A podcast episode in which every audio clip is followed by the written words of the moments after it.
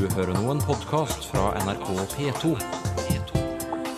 nrk.no-podkast. Jeg vet ikke, jeg, men jeg tror det gjør seg at det går bra. Nei, det skulle ha vært helt annet.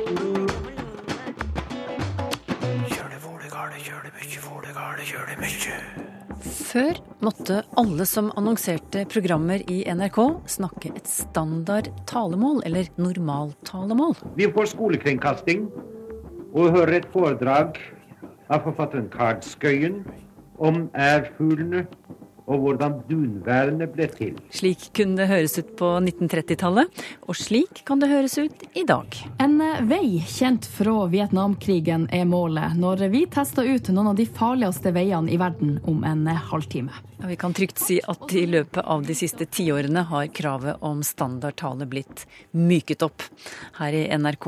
Og heller ikke på andre offentlige arenaer i det norske samfunnet forventer vi å høre folk snakke standard. Men hvis vi ser utenfor landegrensene, er bildet noe annerledes.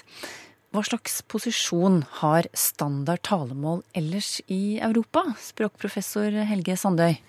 Det normale i eh, europeiske land, for ikke å si det som blir kalt kulturland, så er det slik at de har kultivert språkkulturen eh, på den måten at eh, når du opptrer i en offentlig sammenheng, altså i ei forsamling, eller du, til og med når du skal snakke om et seriøst emne, så går en over til å snakke det som blir kalt normaltalemål eller standardtalemål. Og når jeg brukte kultur så veldig mye, så er det fordi at dette er ofte omtalt eh, nettopp eh, som kultivering av språk. Og eh, de kaller det f.eks. på tysk kultursprache. Mm. Det, å, det standardspråket er kulturspråket. Så du ser at dette er knytt veldig sterkt til kulturelle forestillinger om hva som er det høgverdige. Ja. Og da er dialektbruk er det noe som hører hjemme bare i eh, familiesammenheng og i kameratsammenheng. Mm. Helge Sandøy, språkprofessor ved Universitetet i Bergen. Du er med i et internasjonalt forskernettverk som undersøker holdninger til standardspråk og til dialekt i Europa. Eh, som jeg nevnte så har ikke NRK lenger så strenge krav til bruk av standard talemål i eteren, men hvordan er praksis hos kringkastere i andre europeiske land? Ja, Praksisen har vært at eh, du skal da sjølsagt bruke det mest strenge standardtalespråket, slik at eh, de som lytter, ikke skal kunne avsløre hva du da kommer ifra. I praksis så betyr jo det at, at medarbeideren må legge seg etter en eh, uttale som likner på hovedstadsuttalen, men da blir hovedstadsuttalen regna som nøytral og ikke geografisk plassert. Det er jo et lite paradoks, men det er litt med at så sterkt er, er folk gjerne indoktrinert med sentraliseringspolitikk. Eh, og da skal en altså skjule et annet opphav enn det som standardtalemålet har. Og det har vært den vanlige praksisen. Eh, men i dag så er nok dette under oppløsning. Og det, I Norge er vi jo kommet veldig langt, og vi begynte tidlig med det på 70-tallet, å gå den veien. Eh, I andre radiostasjoner så skjer noe det samme. I BBC så har det jo vært veldig striks med å bruke API, altså Received Pronunciation. Hva er det?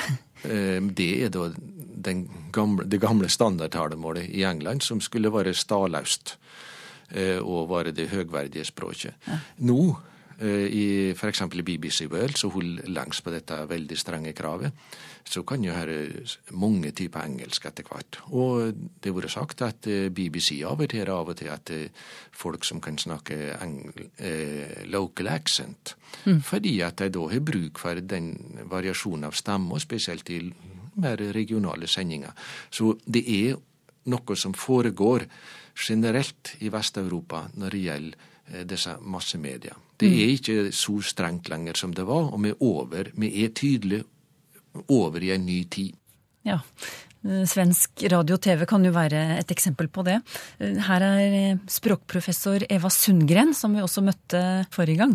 Forut var egentlig idealet at man skulle prate noe slags nøytralt standardspråk, så at man ikke hørte hvor folk kom ifrån. Men det er ikke ideal lenger, utan det er snarere så at man hører regional standard. Det kan nesten være så att eh, det kan gi litt status at prate dialekt i populærkulturen, i alle fall. Som programleder, som sanger. Det kan være en del av din personlighet. Mm. Bara det ikke er svårt å forstå. Mm. Men altså, vi har jo fått, man kan si at vi og sikkert mange andre länder ändå har fått en økt vilje til å beholde lokale, regionale sett å prate i denne globaliserte verden. Og at vi i og med det også har en mångfald i media.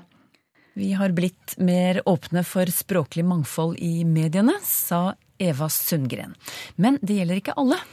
I Språkteigen for et par år siden snakket jeg med tyske Ralf Müller fra Bayern, bosatt i Trondheim. Han mener at på TV og radio bør man snakke standard talemål, altså høytysk. Dialekt passer best til å lage humor. Det fins f.eks. nå også um, Asterix-comics på dialekt. Det er ganske morsomt. Men uh, dialekten har bare en viss status for å bli positive status av dialekten er det kan man bruke å, å gjøre vitser. Um, når man ser på man ser karikaturer. Uh, personer som uh, snakker dialekt og blir lagt parodier av, eller, eller, slike ting. Jo sagt litt om noen sammenhenger der du opplever at det er eh, akseptert å bruke dialekt. Eh, I hvilke situasjoner opplever du at det ikke er akseptert å bruke dialekt? Um, det er ikke akseptert hvis folk i offisielle posisjoner snakker dialekt. Så f.eks. hvis du går til skolen, læreren må prøve sin beste å snakke høytysk.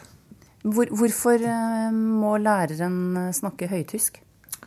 Um, det vet jeg ikke akkurat, men eh, det er forskrevet at de gjør det.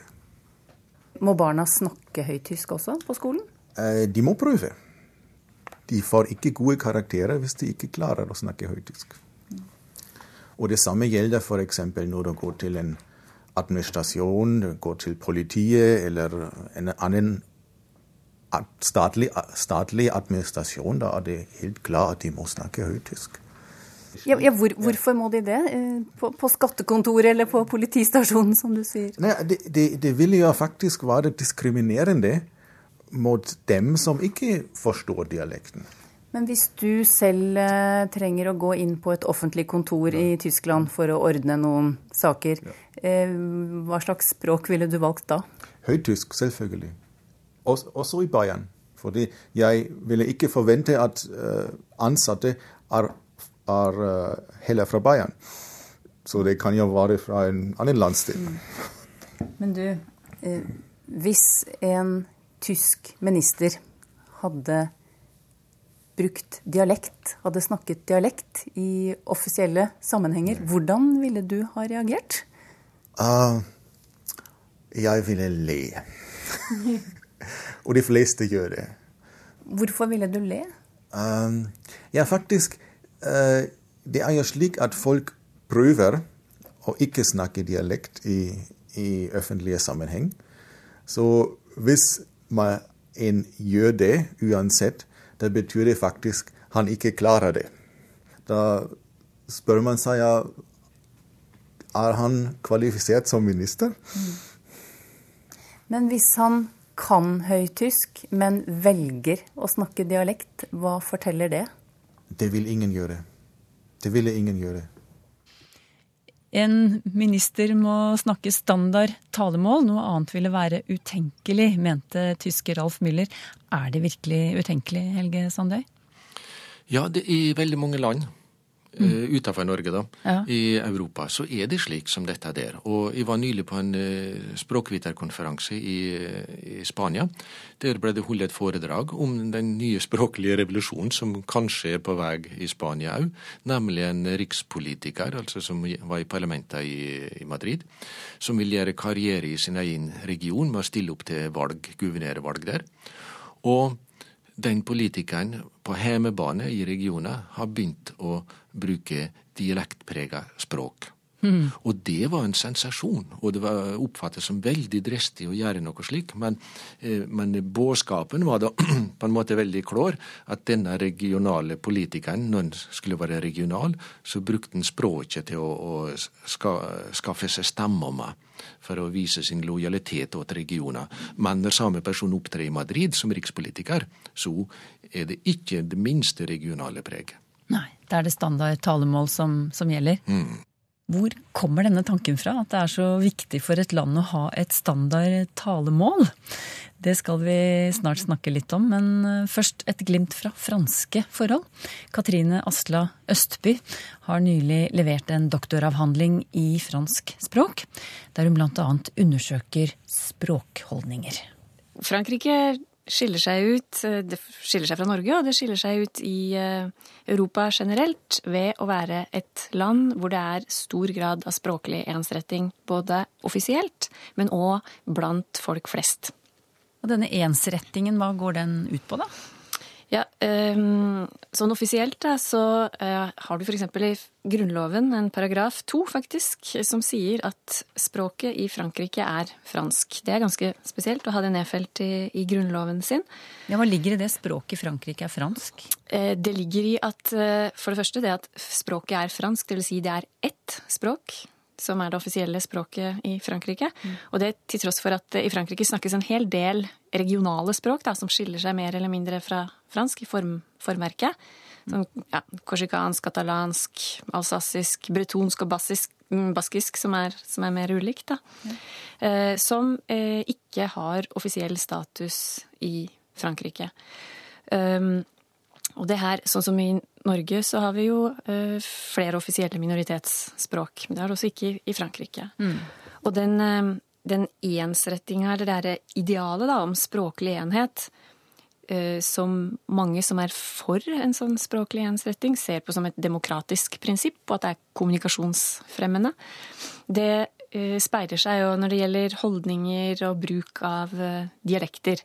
Mm. Ja, hvordan, hvordan merkes det, det du sier, det, liksom det uoffisielt, hvordan merkes det? Jo, det, um, for det første så opererer folk med folk forholder seg i stor grad i Frankrike til én variant, eller én modell, da, som representerer såkalt fransk.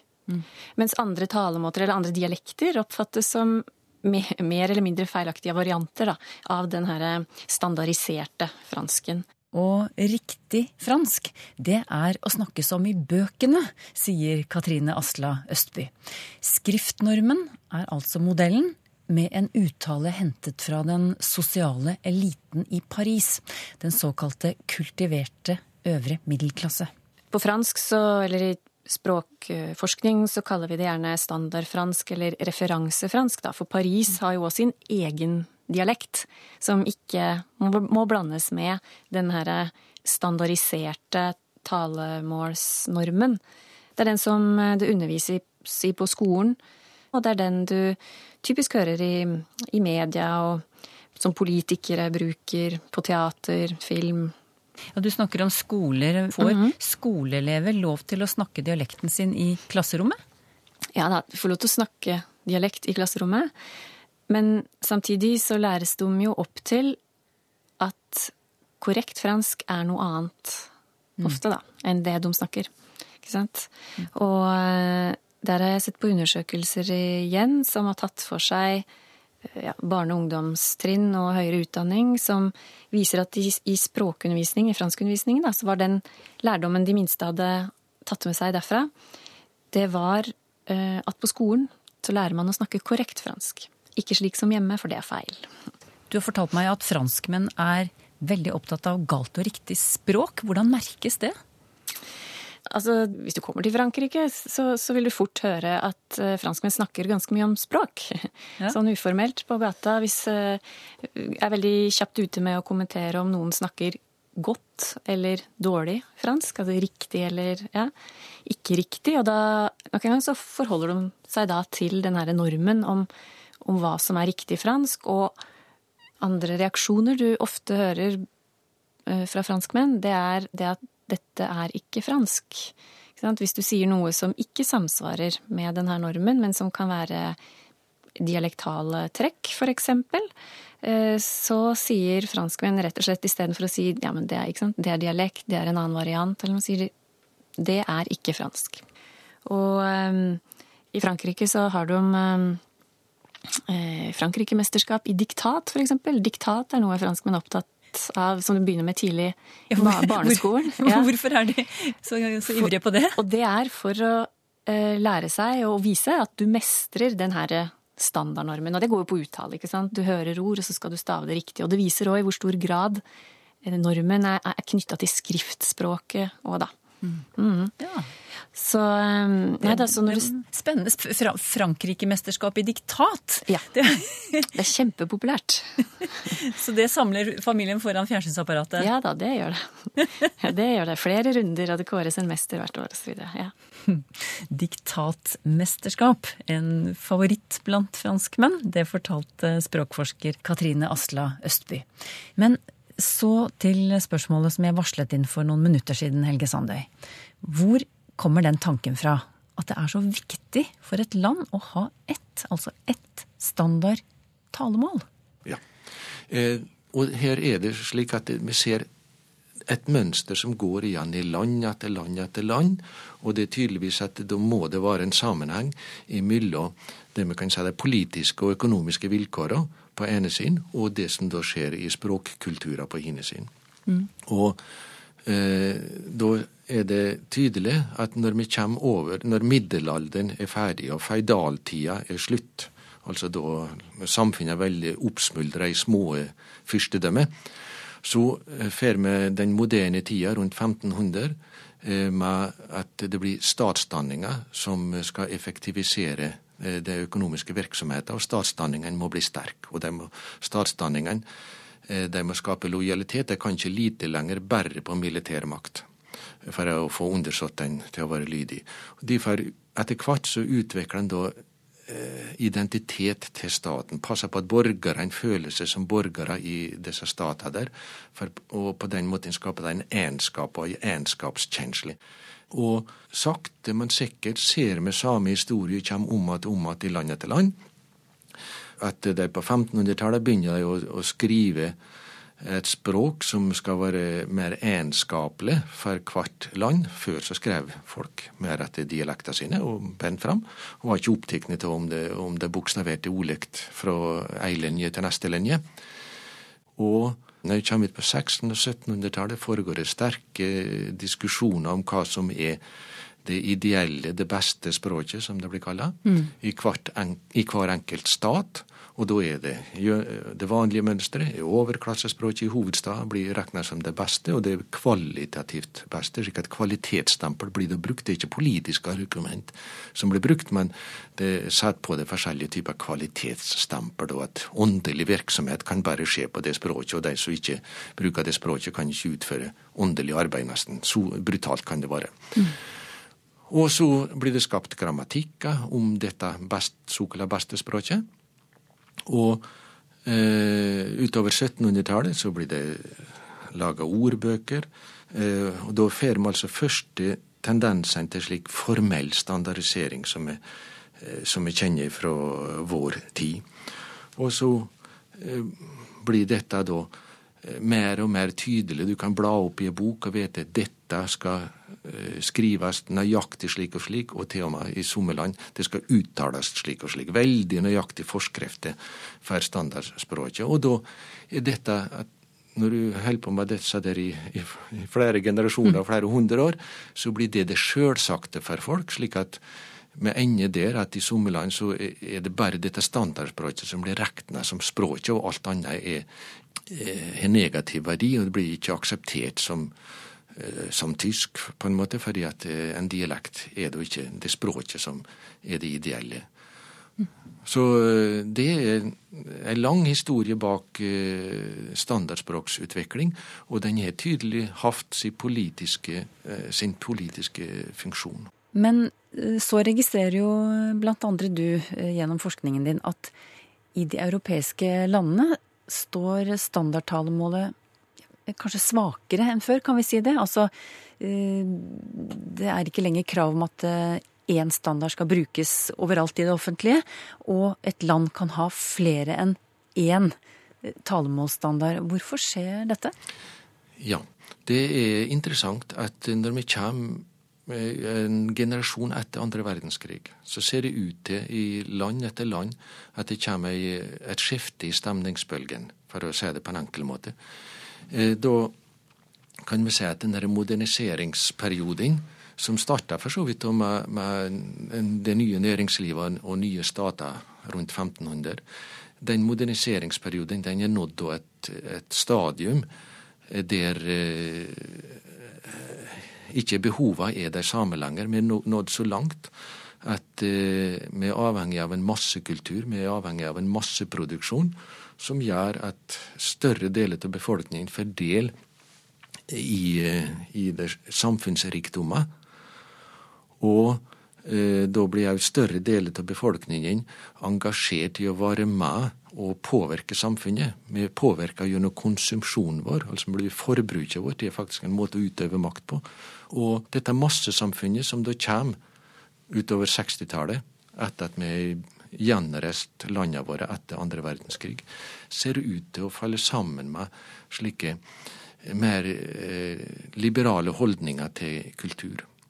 Og det blir da tolka som at eh, da begynner den vanlige mann å føle faktisk at han har litt, eh, litt makt og betyr noe i samfunnet. Både gjennom det at du kan være forbruker og yte forbrukermakt, men du kan òg skrive innlegg i avisa. Du mm. kan uttale det etter hvert kan uttale det i lokalradio og slippe til mm. på massevis med medieområder.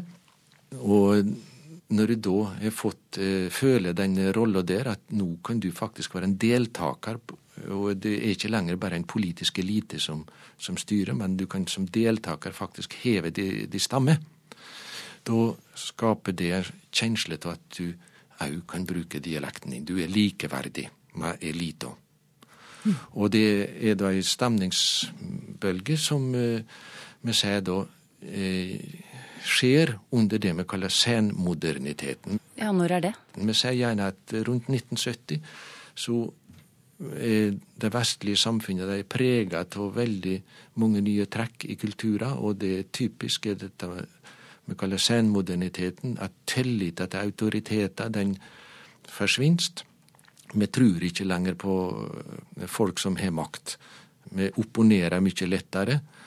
Og en eh, engelsk eh, språksosiolog, Norman Fairclough, han omtalt dette her så at det er en demo kulturell demokratisering, det som har skjedd de siste generasjonene. Fordi at folket kan delta mye mer aktivt enn de gjorde før.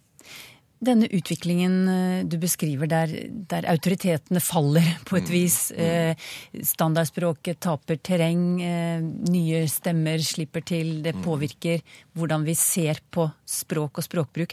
Denne utviklingen foregår ikke synkront i hele Europa. De tidligere østblokklandene de ligger etter, har du fortalt meg. Hvorfor gjør de det?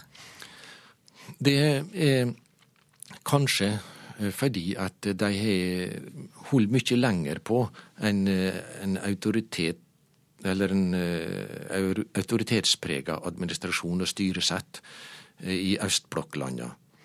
Og det gjorde at de kommer mye senere inn i denne utviklinga, der du Til og med masseproduksjon kom jo litt senere i mange av disse østeuropeiske landene.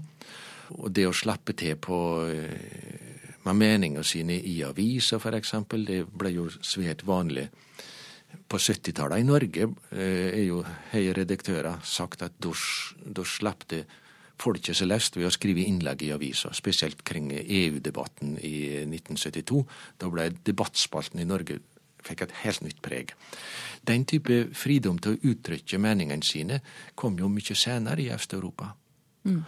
Og det gjør at dette er jo en tradisjon som skal utvikles sakte, men sikkert. Og de fikk altså et, et mye senere startpunkt. 20, kanskje 20 år senere startpunkt. For de, utviklingene som de nå sannsynligvis opplever.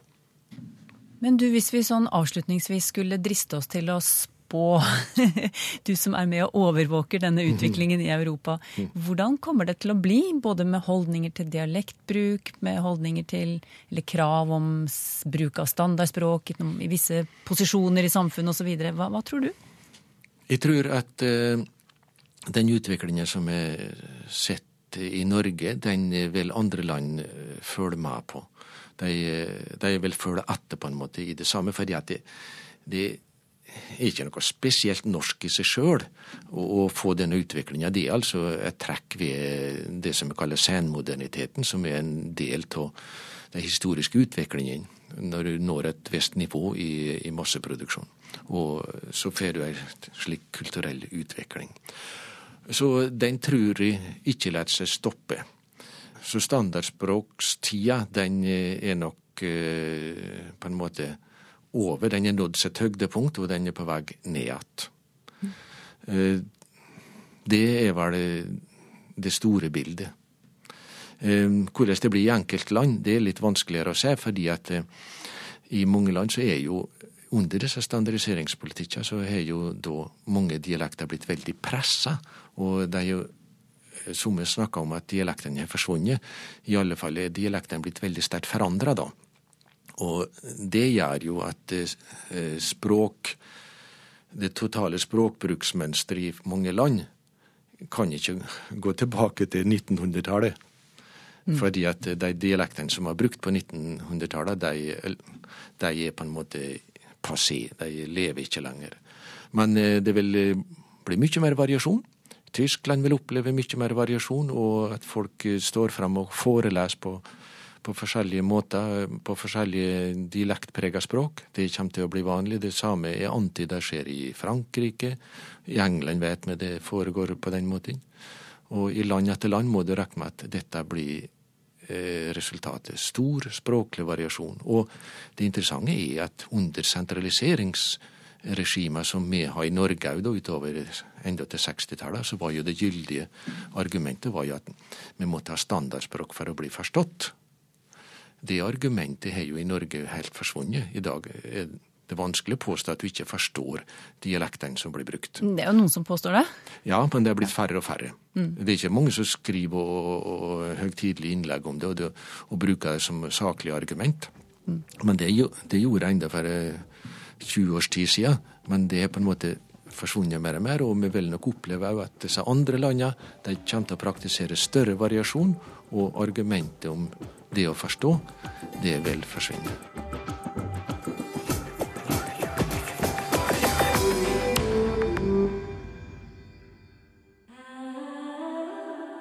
nrk.no podkast.